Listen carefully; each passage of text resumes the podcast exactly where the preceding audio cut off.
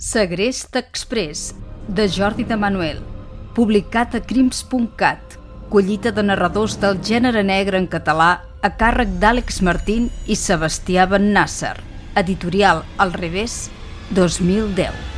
Enregistrament en veu alta. Capítol 6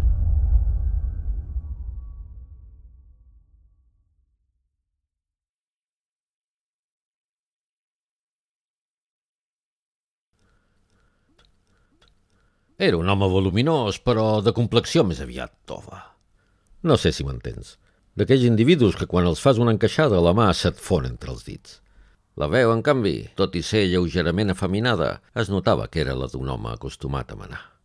Temia que si el deixava parlar més del compte no aconseguiria capturar-lo. Si volia tenir èxit, havia d'actuar amb contundència, fermesa i convicció des del primer moment.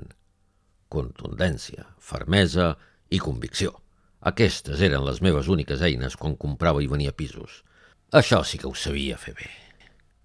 No em miris així. Ara he perdut el fil. Per on anava? Ah, sí, que havia planificat com capturaria en Valentí Rius. Doncs fixa't bé. Faria servir el meu comandament per baixar a peu al pàrquing. Allí l'esperaria rere una columna, al costat del SAP.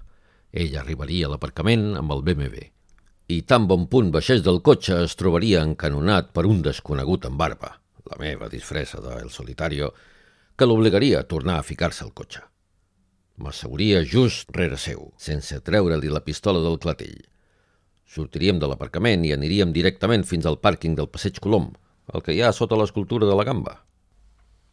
Que no és una gamba? Fes el favor de callar i escolta, noi! Després, en sortir de l'aparcament, li posaria unes ulleres negres, d'aquelles que donen als miops que els operen els ulls. L'acompanyaria del bracet, mentre amb l'altra mà li clavaria les costelles al canó de la pistola, dissimulada entre una caçadora plegada. Faríem una caminadeta erràtica pel passeig perquè, malgrat tot, no pogués explicar mai a ningú quina era l'escala i el pis on el duria. Quan el tingués a les golfes, li explicaria el meu propòsit. Sortir sa i estalvi li costaria 2.200.000 en efectiu, amb bitllets usats de 500. Em va costar decidir la xifra, però, per la meva experiència amb la compra i venda de pisos, sabia que calia inflar el preu per tenir marge per negociar. Havia decidit que no el deixaria lliure per menys de dos milions. Vaig pensar que l'home havia de valdre almenys el doble del que li havia costat el pis. Continuarà.